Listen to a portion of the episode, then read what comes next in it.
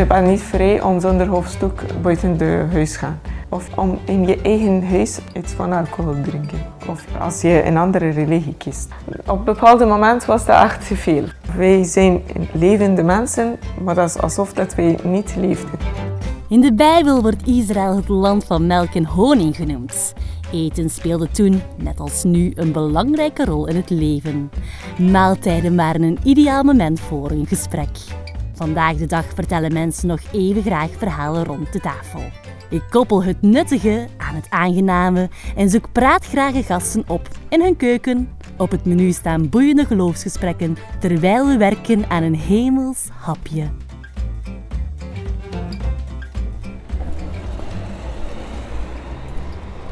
Ik wandel naar Shabna Magdavi en je hoort al direct aan haar exotische naam dat haar roots elders liggen. Shabnam is een vrouw van 44 jaar en woonde tot 2002 in Iran, waar ze ook vandaan komt. Tot zij en haar man genoeg kregen van het alles overheersende bewind dat het leven zeer zwaar en zelfs beangstigend maakte en ze naar Europa trokken. Van een leien dakje liep het vervolgens niet. Intussen leerde Shabnam, die opgroeide als moslima, in het asielcentrum de God van het christendom kennen. Daarover en meer vertelt ze ons dadelijk. Hallo. Hey. Voilà! Voilà! Een hondje dat niet mag ontsnappen. Beetje voilà! Luistert hij enkel naar het uh, Perzisch. Perzisch, voilà. Wees voorzichtig, want dat is heel streng. Daarom mengen wij dat met hetend water. Zoveel en dan Ja, heet is water erbij nog doen? Ja, ja, ja. Dus dat is heel sterk getrokken en een beetje aanlengen met heet water. Ja, oké. Mijn Perzisch theetje. Oké, Shabnam, eh, dan stel ik voor dat we gewoon direct naar de keuken al gaan, Ja, om aan oké. de slag te gaan. Je mag je thee meenemen, hoor. Mag ik mijn thee meenemen? Ja, ja. Oké, graag. Eh, want in de Bijbel wordt het samenhouden van een maaltijd gezien als een ideaal moment om elkaar te leren kennen. En dat is ook wat we vandaag gaan doen. Ik wil jou graag beter leren kennen. goed. Maar eerst moeten we de maaltijd voorbereiden, dus ze prepareren. Ja. Vertel maar, wat gaan we vandaag klaarmaken? We gaan een Iraanse soep maken. Dat noemt soupe jo. Soupejo. Maar dat betekent dat eh, een soep van havermout. Oké, Ja. oké. Eh, we vinden het ook altijd leuk om het gerecht dat we gaan maken te koppelen aan een bepaald Bijbelverhaal. Mhm. En als we zoeken in de Bijbel naar verwijzingen van Iraanse of Perzische gerechten, ja, uiteraard vinden we dat niet zoveel terug. Maar we lezen wel in het Oude Testament dat het Joodse volk op een bepaald moment in ballingschap is in Perzië. Ja. En dat er toen veel gewacht wordt gemaakt van feestmalen. Zo ook door Esther. Zij was de koningin van de toenmalige Perzische koning. Ja. En zij wou kort gezegd bij haar man in de gunst komen door middel van maaltijden. Ja. En misschien een beetje fantasie heeft ook wel de soep et jo toen op de feesttafel Ja. gestaan.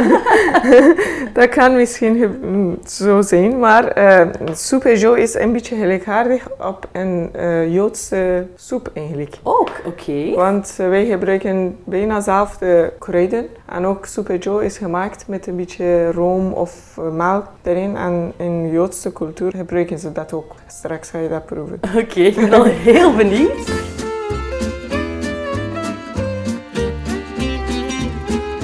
Ehm, het is wel een redelijk uitgebreide soep, dus ik had jou gevraagd op voorhand al het eerste deel voor te bereiden. Ja. Misschien kan je even samenvatten wat er al is gebeurd intussen. Ik heb gewoon de kip gekookt voor bouillon te gebruiken. En ook daarachter kipvlees eh, in de soep doen. Ik heb groenten een beetje voorbereid. Welke groenten zitten er al in? Eh selder, wit selder, wortels, ajuin, bladpetersilie en een paar aardappelen. Wat kunnen wij nu doen? Wat doe jij? We gaan gewoon ik? de, kruid, eh, de groenten snijden en alles in een pot doen. Geef mij maar een plank, geef je maar een groente. zitten, alstublieft. Dank u. Je mag beginnen met de ajuintjes misschien.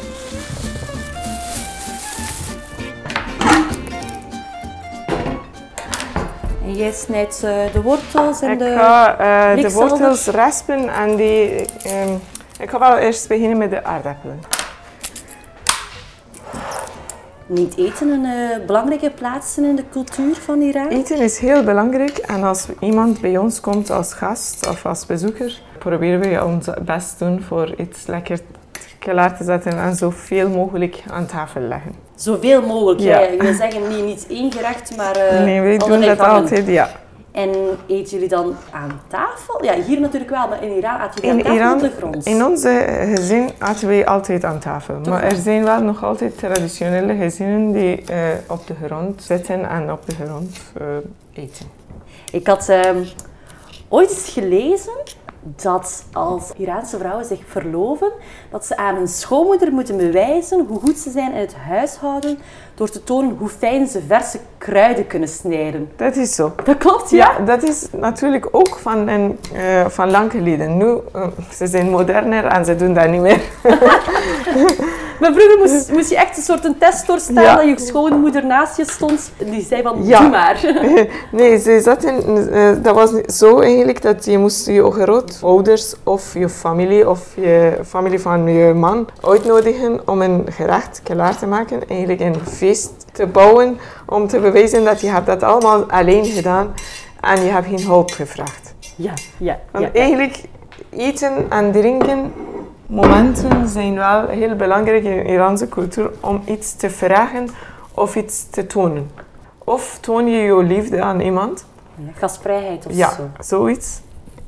Of eh, wil je iets vragen of iets bespreken of een afspraak maken, dan maak je ook een gerecht om samen aan tafel te zetten. Dat is precies dezelfde cultuur wat je hebt gelezen in het verhaal van Esther. Ja, ja, ja, ja, ja, ja. Dus als iets werd gevraagd, ook in de Perzische cultuur, Ja. gebeurde dat automatisch onder een maaltijd. Ja. Oké, Shabnam, de ajuinen zijn gedaan. Wat kan ik nu doen? Ik, eh, je mag verder die ehm zelders doen of de wortels raspen. Want het is eigenlijk, als ik het goed begrijp, een eetsoep. Het, het, het, eh, Dat is een, een maaltijdsoep, ja. ja, een maaltijdsoep. Bij ja. ons, alle soepen zijn maaltijdsoep. We Ja, hebben ja. geen soep zoals Niet als soep als een voorgerecht, nee. Oké.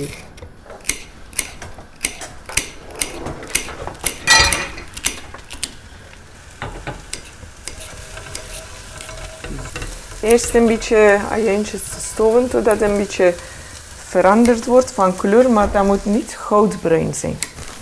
Wij stoven alle groentjes of enkel de ajuin en de rest Ik koken? doe dat even allemaal samen stoven. En dan doe ik de bouillon bij en ik wacht tot het uh, gaar wordt.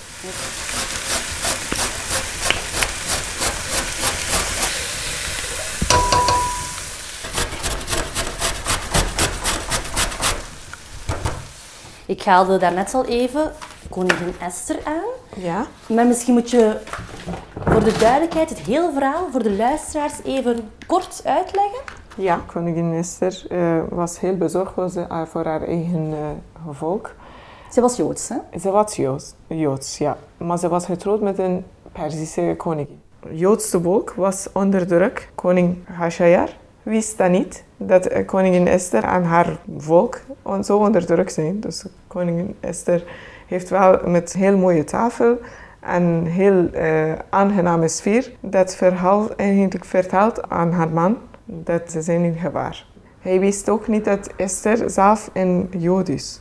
Ja. Terwijl ze, haar man, een soort van eerste toenmalige premier, was eigenlijk degene die de touwtjes daar in handen had en het Joodse volk wou uitroeien. Ja. En Esther wou daarvoor pleiten bij haar man. Ja, ja. dus zij heeft, uh, nee, zij heeft daar een, tegen in pleiten uiteraard. Ja. Zij heeft een, uh, een maaltijd klaargemaakt. En ze heeft uh, Haman ook uitgenodigd. Die premier? Die premier, ja. Toen ze aan tafel waren, heeft ze al verteld dat uh, haar eigen volk nu in een moeilijke situatie is. En ze was zo bezorgd voor hen. Wat was de reactie van de koning toen zij hoorde dat het volk waar zijn vrouw toe behoorde werd verdrukt en zou uitgeroeid worden? Hij was heel verbaasd en hij was kwaad dat Haman tot nu toe heeft zo moeilijk gemaakt voor deze volk. En hij heeft wel zijn best eigenlijk gedaan totdat uh, die volk echt uh, gered wordt. Ja. En dat ze allemaal onder een groot uitgebreid banket, wat je eerder zei heel gebruikelijk is in Perzië. Ja. Dus ja, eten gaat door de, door de maag van de man, hè? als je iets wilt gedaan krijgen. Lekker eten. En tegenwoordig, mannen koken ook. Maar ik denk in de tijd van koning Esther, koningin Esther, vrouwen kookten meer dan mannen. Zullen we ons even in de living zetten? Uh, de soep staat nu toch gewoon ja. te koken, zeker? Het staat te koken.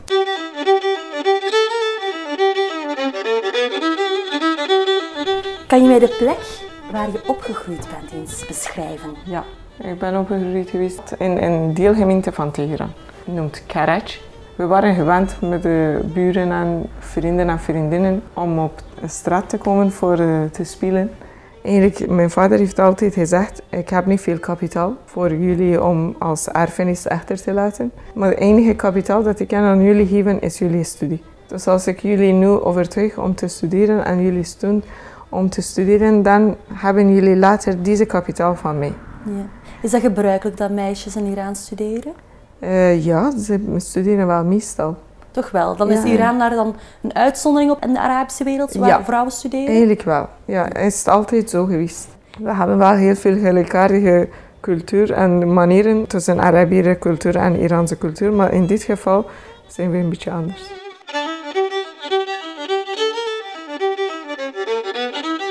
Misschien heb je een, leuke anekdote voor ons uit je jeugd die iets zegt over wie als jonge vrouw, als jong meisje was. Um, ik was eigenlijk een oudere figuur voor mijn vriendinnen, de mama van de groep. Bijvoorbeeld als mijn vriendinnen in het geheim een vriend hadden, want toen was dat niet vrij.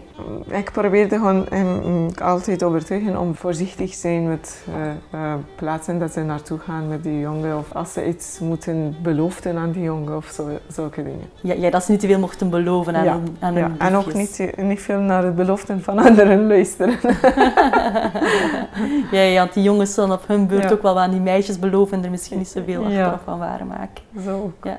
Dat was waarschijnlijk, en nu nog altijd niet zo gebruikelijk, hè, dat, dat meisjes zomaar vrij zijn in keuze naar, naar uh, mannen? Nu wel.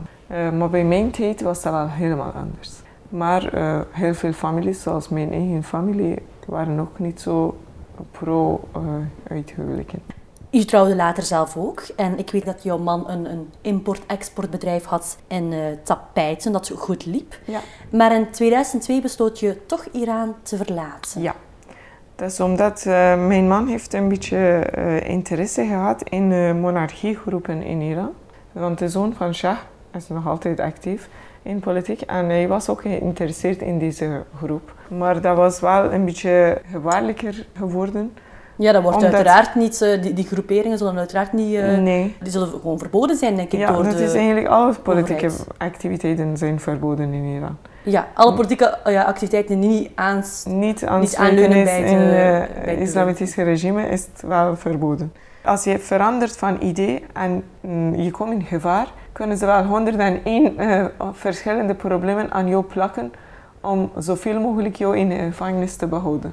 En daarom, omdat het zo'n onzekere toekomst was, hebben we besloten om toch het land te verlaten. Ja. Hij was geïnteresseerd in een monarchistische groep, maar hij werkte met een groep die van de regering was. Dat is echt een tegenwerking, dus dat komt, klopt maar niet. En, en waarom had hij contacten uh, met mensen uit de overheid? Omdat het gemakkelijker was voor uh, zijn eigen werk te doen. Want als je geen contact hebt in Iran, kan je heel veel dingen niet doen in Iran. Bijvoorbeeld als je wil export en import doen, moet je bepaalde toestemmingen krijgen. Of moet je bepaalde mensen kennen om te kunnen je werk gemakkelijker maken. Ja, dat is eigenlijk dat, dat, dat corrupt systeem dat onder Voilà. Ahmadinejad waarschijnlijk Ja, eh, in stand werd gehouden. Ja. Ja. Geef eens een, voorbeeld van die corruptie op jullie dagelijks leven. Bijvoorbeeld uh, wil een bewijs dat je samen met deze man woont, bijvoorbeeld. Moet je wel verschillende mensen zien. En verschillende keer onder tafel betalen Omkopen. Om dat uh, te kunnen krijgen. Terwijl dat het echt 100% jouw recht is. Ja, ja, ja. ja, het gaat inderdaad niet enkel over corruptie. Dat systeem waar je eigenlijk als je een bedrijf hebt en je wilt het in stand houden aan, verplicht wordt aan mee te moeten doen. Maar ook, ook gewoon ja, op het dagelijks leven, zoals een bewijs ja. van, van, van trouwakte enzovoort. Voor alles. Ja. Alles wat in de wet geschreven is, betekent niet dat het gaat zo gebeuren in Iran. Wil je zeggen bijvoorbeeld, uh, om iets anders aan te halen, vrijheid van religie Ja. staat in de wet, maar in de praktijk... Ja. mm, mm. Ja, bijvoorbeeld, je bent niet vrij om zonder hoofdstuk uh, buiten de huis te gaan. Of je bent niet vrij om in je eigen huis zelf iets van alcohol te drinken. Of je bent niet vrij bijvoorbeeld als je een andere religie kiest. Ja, ja, ja. En daar had je eigenlijk genoeg van, van die vrijheid die jullie ontnomen werd in, in gewoon alle dingen in het dagelijks leven. Ja. Op een bepaald moment was dat echt te veel voor ons. op een bepaald moment dachten wij, ja, wij zijn levende mensen, maar dat is alsof dat wij niet leefden. En kreeg je dan ja, soms ook waarschuwingen of bedreigingen? Was je soms bang? Uh, ja, eigenlijk, mijn man heeft wel waarschuwingen gekregen van die mensen die samenwerkten. Mensen uit de regering? Ja, eigenlijk daardoor hebben we gekozen om Iran te verlaten. Want we wisten wat het gevolgen van dat gaat zijn. U wilt zeggen een arrestatie? Ja, ik was doodbang. Echt, ik kan dat niet geloven. ik was echt doodbang, want ik wist niet wat gaat voor mijn eigen kinderen gebeuren. Ik wist niet wat gaat voor mijn eigen in toekomst gebeuren, want als mijn man in gevangenis was, dan was het einde voor een vrouw die getrouwd is. Ja. In jouw eer misschien ook? Ja.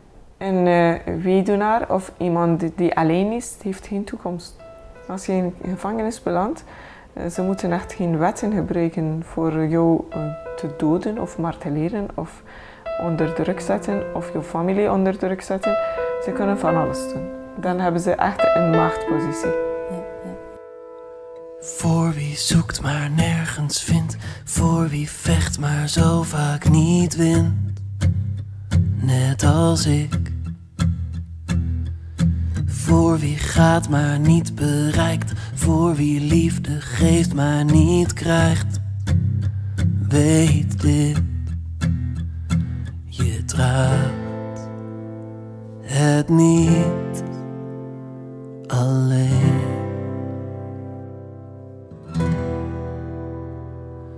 Voor wie gokt en steeds verliest, wie probeert maar vaak verkeerd kiest, net als ik. Voor wie lacht maar niet geniet, voor wie wel gelooft maar niet ziet, weet dit.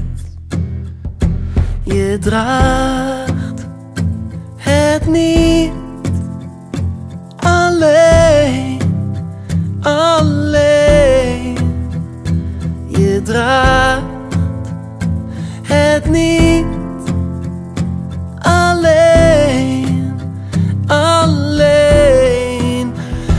Trên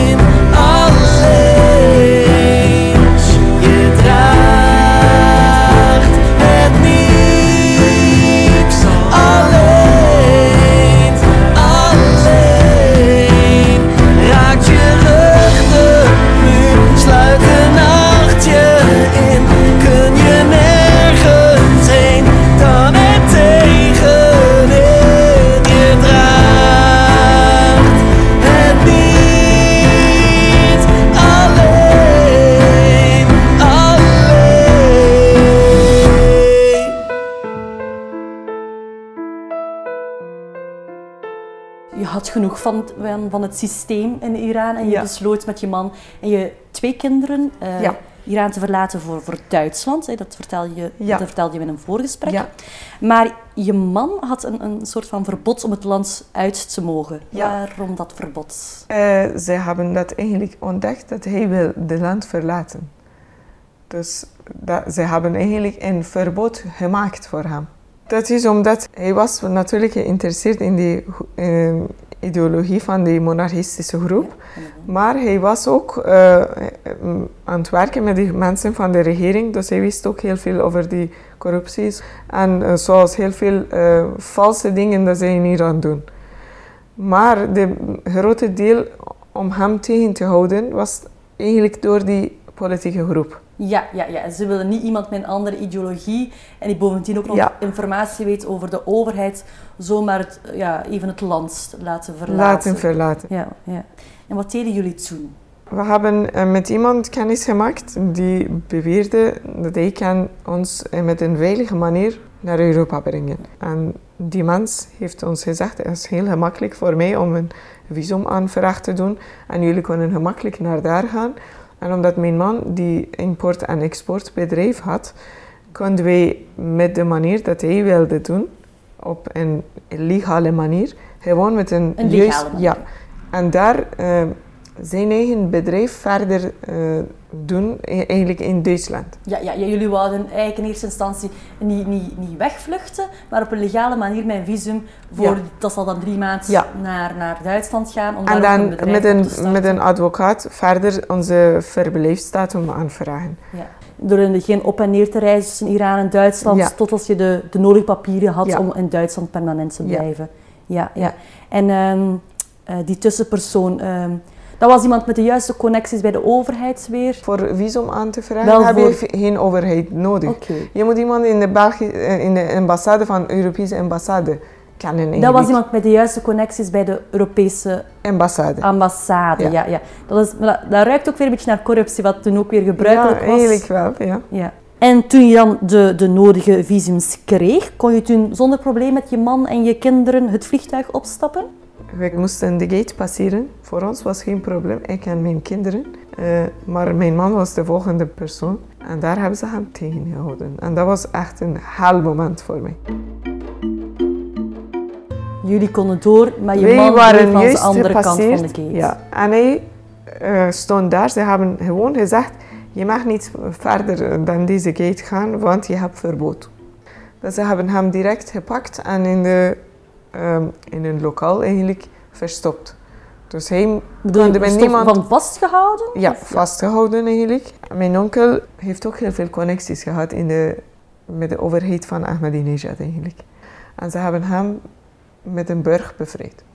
Misschien ook weer opnieuw, als, als jouw onkel niet zo goede connecties had gehad, was het waarschijnlijk niet gelukt om jouw man zomaar onder borg vrij te krijgen. Als zij niet eh, deze connectie hadden, was dat echt zo moeilijk? Nee, eigenlijk niet. Ja. Bij je aankomst in Duitsland bleek dat ook jouw visum vals was. Ja. Dat is de tussenpersoon die jij en je man hadden ingeschakeld, jullie had opgelicht. En dan zat je vervolgens ongetwijfeld ook in moeilijkheden met de Duitse immigratiedienst. Ja, dat was heel moeilijk voor mij. Bij eerste pascontrole hebben ze mij daar ook gepakt door de eh, Duitse politie. Ze hebben mij daar echt heel erg behandeld.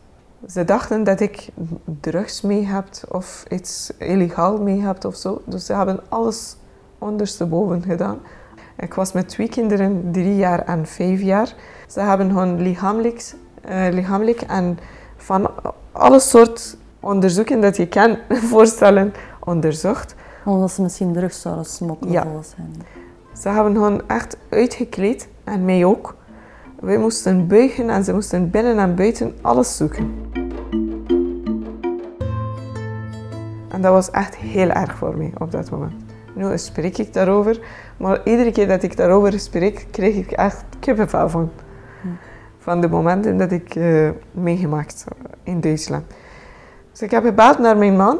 Dus hij heeft eh, mij direct gezegd, vraag asiel daar, want je kan niet terugkomen.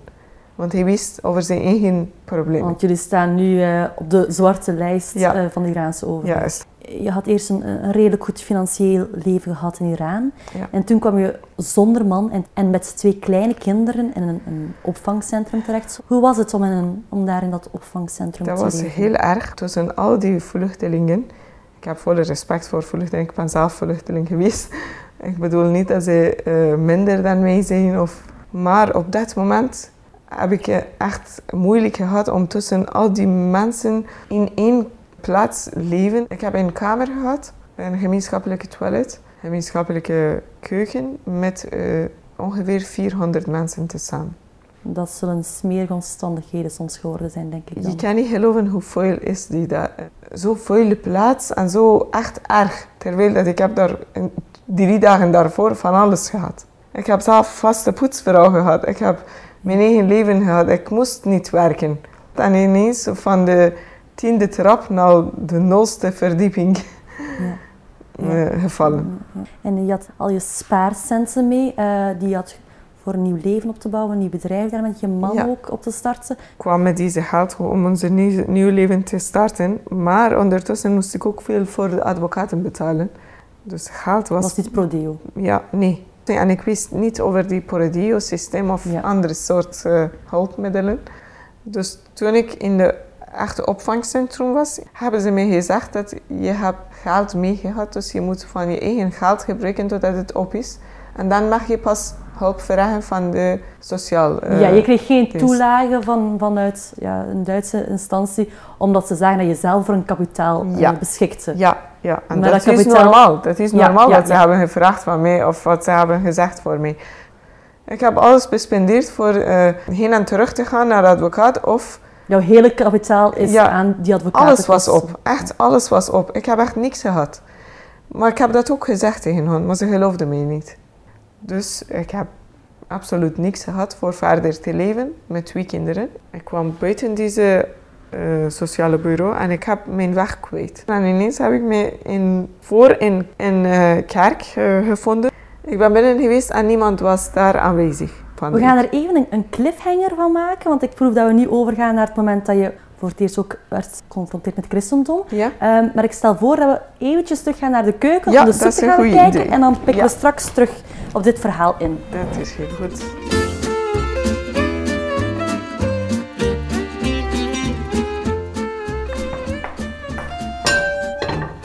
Alles is goed klaar en ik ga wel alles een beetje platten, Ja, zodat het een beetje meer binding geeft ehm, aan onze soep. Wat moeten we nu voor het tweede deel van de soep verder doen? Eigenlijk, we moeten niet veel doen. We gaan nu gewoon die wortels erin doen. Die geraspte wortels, ja. Ja. En nu doe ik een beetje melk in. Oké, oké. Dat was eh, wat je net ook zei, die link met de Joodse keuken. Ja. Havermout is voor vijf minuutjes voordat we gaan eten, want havermout heeft geen tijd nodig voor te koken. Maar wij kunnen misschien wel al eh, de garnering, zo de bladpeterselie Ja, dat snijden kunnen wij doen. voorbereiding.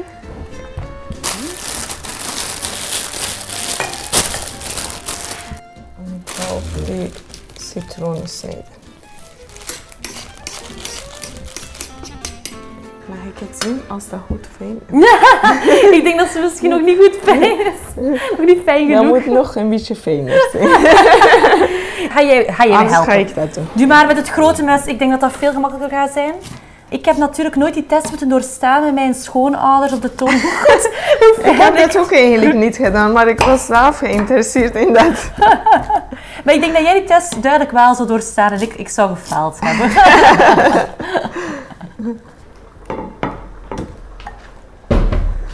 Nu ga ik die havermout in doen. Oh, we zijn nu al aan de laatste stap. Ja. Oké.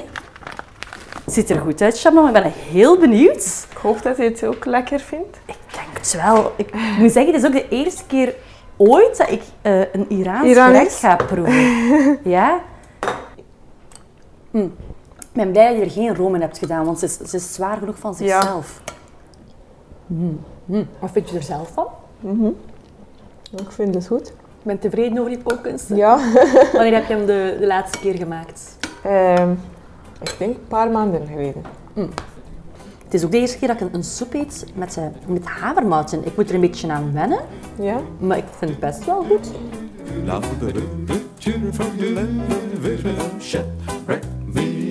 The, Shadrach, Babylon, Nebuchadnezzar was the king of Babylon. Shadrach, Meshach, Abednego. You took a lot of gold and you made me, idol. Shadrach, Meshach, Abednego. Well, told everybody when they heard the music of the corner. Oh yeah.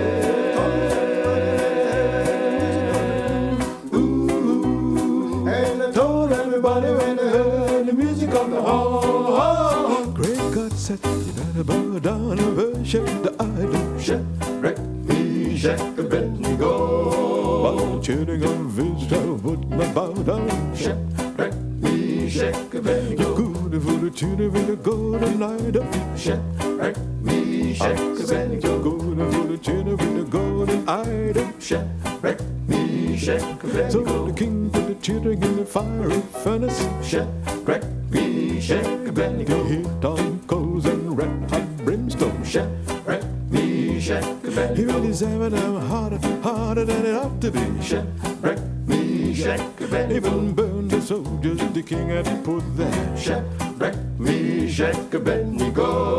Oh, Shadrach, Meshach, Abednego. Oh. Then my Lord sent him an angel, and he gave him a couple of things. Came on down to the middle of the furnace, began to cool the flame. Those two they got so happy, they went straight right through the fire. Just laughing and talking by the power of the gospel. Shadrach, Meshach, Abednego. Oh, Shadrach, Meshach, Abednego. Oh. And nevertheless, I said, hey, there, when he saw the power of the Lord. Well, had a big time in the land of Babylon. Shadrach, Meshach, Abednego. Oh, Shadrach, Meshach, Abednego.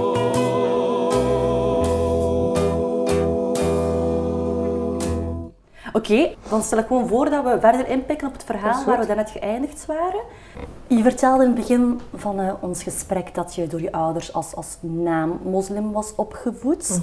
Merk je het ook intussen dat je dus voor het christelijk geloof hebt gekozen? En ik vraag me af op welk moment dat gebeurd is. En ik, ik Ja. denk dat je vlak voordat we naar de soep gingen, Ja. daarop, eh, daarop ging toekomen. Hè? Ja, dat is zo. Want je wandelde een kerk binnen als je terugkwam. Ja, ik kwam van, eh, terug van de sociale bureau ja. en eh, ik ben binnen geweest en ik was aan het huilen en ik heb gezegd, profeet Jezus, ik ben hier en ik heb moeilijk. Je bent een profeet en ik ben moslim. Wil je alsjeblieft mij helpen? Dus toen ik de buiten kwam, dacht ik, ja, nu moet ik echt terug naar het opvangcentrum gaan. En dan hebben ze mij gezegd, mensen van de sociale bureau hebben gebeld en voedselbon kan ik wel krijgen. En, eh, ik, ik kwam uit het gebouw en ineens, ik weet het nog altijd niet waarom, eh, dacht ik dat iemand klopte aan mijn schouder. Dus ik draaide mij om en ik heb twee dames gezien met een soort hoofddoekachtig op hun hoofd en lange kleren van de protestante kerk. Ah ja. Dus ik heb automatisch gewoon van hen gevraagd, zijn jullie christen? Ik wil ook christen worden. Ik, is het heel belangrijk, maar ik weet het nog altijd niet waarom heb ik dat gezegd. Maar mijn vriendin trekte mijn kleren en zei, ze zei tegen mij, waarom doe je dat? Wat zeg je? Ben je gek geworden? Wat zeg je nu? Ik zei, laat me met rust, maar ik begon te huilen op dat moment. We zijn samen naar hun huis geweest en toen ik binnenkwam hebben ze direct een Iraanse Bijbel aan mij gegeven. En dan hebben ze gezegd, eh, je bent niet vreemd hier, kijk onder je voeten, je staat op een Persisch tapijt. Leuk. Ja. Voelde je direct thuis? Ik voelde me even thuis. Dat was niet raar wat ze vertelden voor mij. Terwijl dat het helemaal anders was dan wat ik heb over Jezus geleerd in, eh, in mijn eigen cultuur en mijn eigen religie. Ja, ja, dat zal een langzaam proces natuurlijk geweest Ja. zijn. Maar wat was de reactie van toen als je hem vertelde dat je christen ik was heb geworden? achter de telefoon voor hem verteld, want eh, en ik heb gezegd tegen hem, ik heb iets gedaan, maar zelfs als je niet akkoord bent, ben ik niet van plan om te veranderen. En hij zei direct, oké, je mag mij verder vertellen over wat je gelooft. Ik heb dat verder hij, verteld. was, hij was benieuwd. Hij was benieuwd, geloof. ja. En hij is niet tegengesproken met mij daarover. En sinds dan ben ik begonnen met de Bijbel te lezen. Wij lazen de Bijbel samen achter telefoon. Oké, ja, ja. En eh, dan, beetje per beetje, heeft hij ook een, manier, een andere manier gevonden om illegaal uit Iran te komen. Dus is gevlucht. Gevlucht, ja. En mm, op dat moment was het niet mogelijk om een verblijfstatus in Duitsland te krijgen. De Duitse regering geloofde niet dat de monarchistengroep in Iran in gevaar zijn. Ja, dat de mensen die daartoe behoren worden vervolgd door de Ja, overheid. Ja. Ja. We waren aan het bidden. Ondertussen waren wij christen. We hebben van iemand, een vriend, eigenlijk gevraagd om ons te voeren naar een la- dichtste land. Dus ze hebben ons naar België gebracht. We zijn naar commissariaat-generaal geweest. En we hebben gezegd dat wij terug een asielaanvraag willen doen. Het is goed afgelopen, want we zijn hier nu 2019 Ja. en je hebt je papieren al Eigenlijk jaren. een jaar daarna was wel heel snel in vergelijking met de dossieren van Ja. toen. En wat was dan het overwegend argument in jullie dossier? Was het dan eh, de monarchistische groepering waarop basis Ja. jullie, het van kregen? Jullie Nee, papieren, eigenlijk of- door onze geloof hebben wij deze Ja. antwoord gekregen. En wij willen eh, met onze geloof verder gaan. En dat is ook natuurlijk heel gevaarlijk in onze land. Ja, ja, en het is ook de waarheid. Jullie, eh, het dossier is wel veranderd, maar ja. Het was de waarheid. Ja. En dat heeft het dan ja, gedaan, om het zo te zeggen. Hè? Dat is zo. Even terug op, eh, op ja, het christen zijn, Ja. wordt eh, al dan niet geaccepteerd in, in Iran. De organisatie Open Doors Ja. stelt jaarlijks een, een ranglijst christenvervolging op. Eh, met daarin dan de landen waar christenen het zwaarst vervolgd worden Ja. in. En Iran staat op nummer 10. Ze stellen over Iran dat anders dan in de omliggende landen de vervolging hier voornamelijk vanuit de overheid komt en minder dan vanuit de gemeenschap. En eh, ik quoteer hen nu. Christenen en andere minderheden zijn een obstakel voor de uitbreiding van de Sjiïtische islam en worden behandeld als tweederangsburgers. Ja. Dat klopt? ja, eigenlijk eh, in Iran bestaan ook christenen die christen geboren, geboren zijn. Bijvoorbeeld mensen met de Armenische afkomst. Maar dat is heel in minderheid. En, maar nu, beetje per beetje, mensen zijn tot geloof gekomen door televisiezenders, radiozenders of alle andere soort evangelisaties die in Iran actief zijn. Maar ze zijn allemaal zo ondergrond. eh, Omdat zo geheim. eh, het wordt geaccepteerd als je voorouders Armeense roots zijn, dan mag je christen zijn. Ja. Maar als je gewoon Als je zelf als je verandert, ouders- ja, als je verandert van Dat mag niet. islam naar christen, Dat is, dat eigenlijk een- verboden. dat is eigenlijk een wet in ons parlement dat iedereen mag van andere religie naar islam veranderen. Maar van islam naar andere religie heeft effectief doodstraf. Doodstraf. Ja, Ja, dus dat als is je het doet, moet je het dus echt in het geheim doen. ja eigenlijk wel. Ja, even naar het Bijbelverhaal rond Esther terug. Mhm. Wat jullie gemeen hebben is dus toch wel een, een zekere onderdrukking die jullie ondergaan. In het verhaal wil de toenmalige eerste minister het Joodse volk waartoe de koningin behoort, maar niet geweten is aan het hof uitroeien. En niet dat de minderheden echt worden uitgeroeid in Iran, alhoewel je ook wel zegt dat de doodstraf hem boven het hoofd kan Ja. hangen. Maar ze worden, zeker als je eh, christen bent, echt minderwaardig behandeld. Intussen woon je wel niet meer in Iran, maar toch, hoe voelt dat voor jou dat jouw moederland zo naar jou kijkt als minderwaardig? Dat is heel pijnlijk. Dat is echt pijnlijk. En ik heb zelf soms deze ervaring tussen Iranese mensen hier buiten Europa ook. We hebben verschillende keren moeilijk gehad omdat onze landgenoten konden, konden ons niet aanvaarden als iemand die veranderd is van religie. Terwijl dat ze zelf in Europa wonen.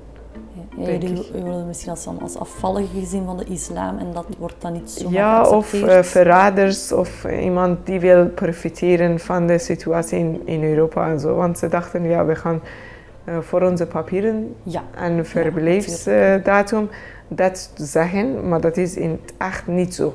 Ja, ja, ja. De huidige president van Iran, eh, Rouhani, Ja. eh, werd bij zijn aantreden bestempeld als de hoop van Iran. De gematigde progressieve man is, stond al eens in de media. Die beloofde de mensenrechten te verbeteren.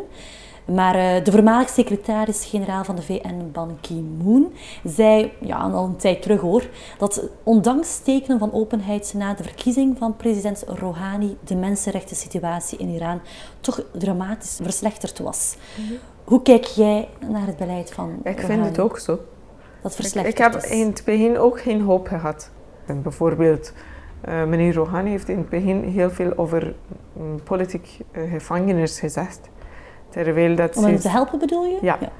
vanaf dat hij als president vastgesteld is, hebben ze wel heel veel mensen eh, marteleerd eigenlijk en doodstraf gegeven door politieke eh, ideologieën of door politieke activiteiten. Ja, je wil zeggen meer execu- executies dan Ja, voordat hij aan de Eigenlijk, macht was. eigenlijk niks veranderd was.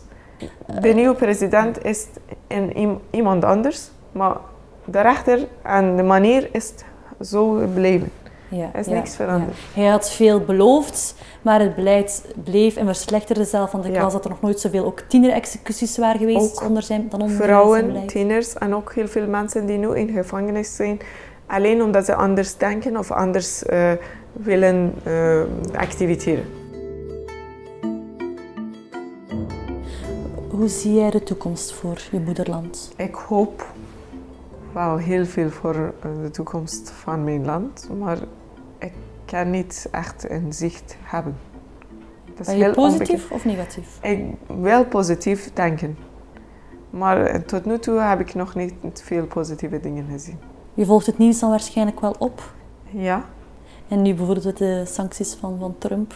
ik vind het erg voor de mensen, want eh, Trump spreekt over geld en politiek en macht, maar mensen hebben hun eigen leven. Dus eh, regeringen gaan met elkaar vechten, maar mensen blijven daartussen. Die wondes gaat voor de mensen zijn en de winst gaat voor hen zijn. Ja, het zijn de mensen die daar ja, Ja. zijn die... Het is daarom Ja. dat wij hebben besloten om niet meer verder iets in politiek te doen. Ja. Want wij dachten dat politiek vergeet de mensen. Politiek houdt je rekening met, met individuen. Ja. Over Esther terug. Ehm, wat je verder ook gemeen hebt met haar, is dat jullie beiden inwoner zijn in een, een vreemd land. Ja. Ik kan me best voorstellen dat Esther het land van haar voorouders miste. Mis jij, ondanks alle problemen hieraan soms Ja, nog? eigenlijk heel veel. Ik denk nog altijd dat ik ben hier goed. Ik voel me thuis in België. Ik heb mijn leven al alles terug eh, herbouwd en zo.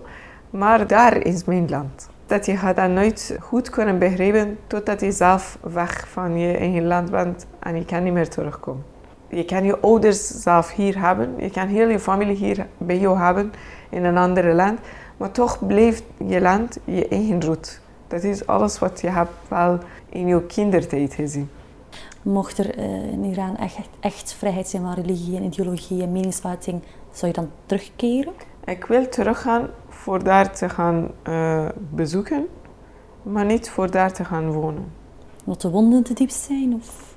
Wonden zijn te diep en mijn ouders eh, zijn een paar jaar geleden overleden, dus ik heb eigenlijk niemand om daarbij te gaan wonen. Voel je na al die jaren nog soms steeds een, een, een vreemdeling in België? Of voel je hier in België perfect thuis? Ik voel me thuis, maar ik voel ook aan van de andere kant wel vreemdelijk. Niet iedereen denkt of kijkt naar mij als een landgenoot. Je werkt als psychiatrisch verpleegster in het ziekenhuis van Brugge. Ja, Doe je je werk graag? ik doe mijn werk heel graag, ja. Ik heb eh, een latere oproeping gekregen eigenlijk om verder te gaan studeren. Als verpleegster kan je gemakkelijk aan iemand die eh, lichamelijke pijn heeft helpen. Maar iemand die geestelijk in knop zit, is het moeilijk te begrijpen.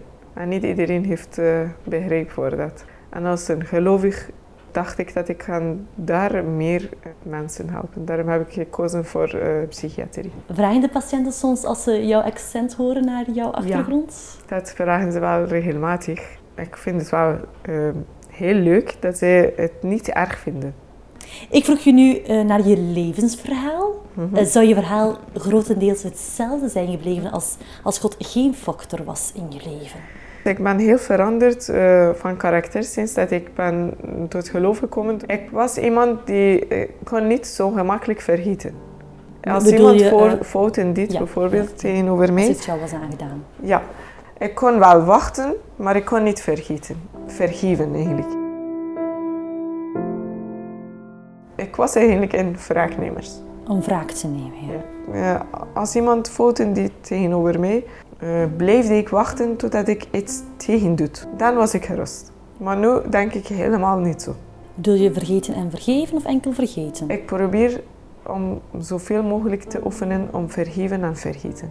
En waarom vind je dan dat vergeven specifiek belangrijk? Dat helpt mijzelf om beter te kunnen tot rust komen. En deze rust heb ik van mijn God gevonden. Ik wil het met niks anders wisselen. Verwacht je van je kinderen van ik wil dat jullie nu ook net als jou en je man, dat zij ook voor het christelijk geloof kiezen of mogen ze zelf kiezen? Verwachten is een ander woord. Ik wil dat graag, maar mijn dochter komt nog altijd naar de kerk. Maar mijn zoon is ondertussen niet meer eh, geïnteresseerd in kerk en zo. Ze mogen zelf kiezen. Ja, ze mochten wel zelf kiezen. Ik heb dat zelf gekozen, dus ik geef deze gekozen, mogelijkheid destijds. ook aan mijn kinderen. Ja, ja. Iedereen maakt in zijn of haar leven tegenslagen mee. Mhm. Maar wat als je tegenslagen meemaakt en je bent gelovig en God heeft die tegenslagen niet voorkomen? Waarom blijf je dan loyaal naar, naar je God? Ik geloof persoonlijk eh, dat alle tegenslagen zijn ook met een reden.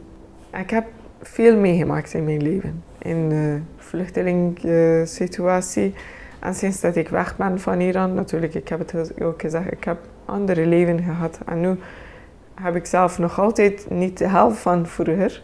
Maar ik denk dat moest dat niet gebeuren, kwam ik nooit tot mijn knieën. Op je knieën, Ja. tot geloof bedoel je? Tot geloof, ja. Je wil zeggen dat hij alles laat meewerken ten goede. Dat denk ik. Voilà, Shaban, ons gesprek zit erop. Eh, heel hartelijk bedankt voor jouw tijd. graag gedaan. Het recept plus de foto's van de havermoutsoep zullen terug te vinden zijn op onze Facebookpagina Transworld Radio België. Een eerdere aflevering van Melk en Honing gemist, ook deze kan u hier terugvinden. Bedankt voor het luisteren en nog een prettige avond gewenst.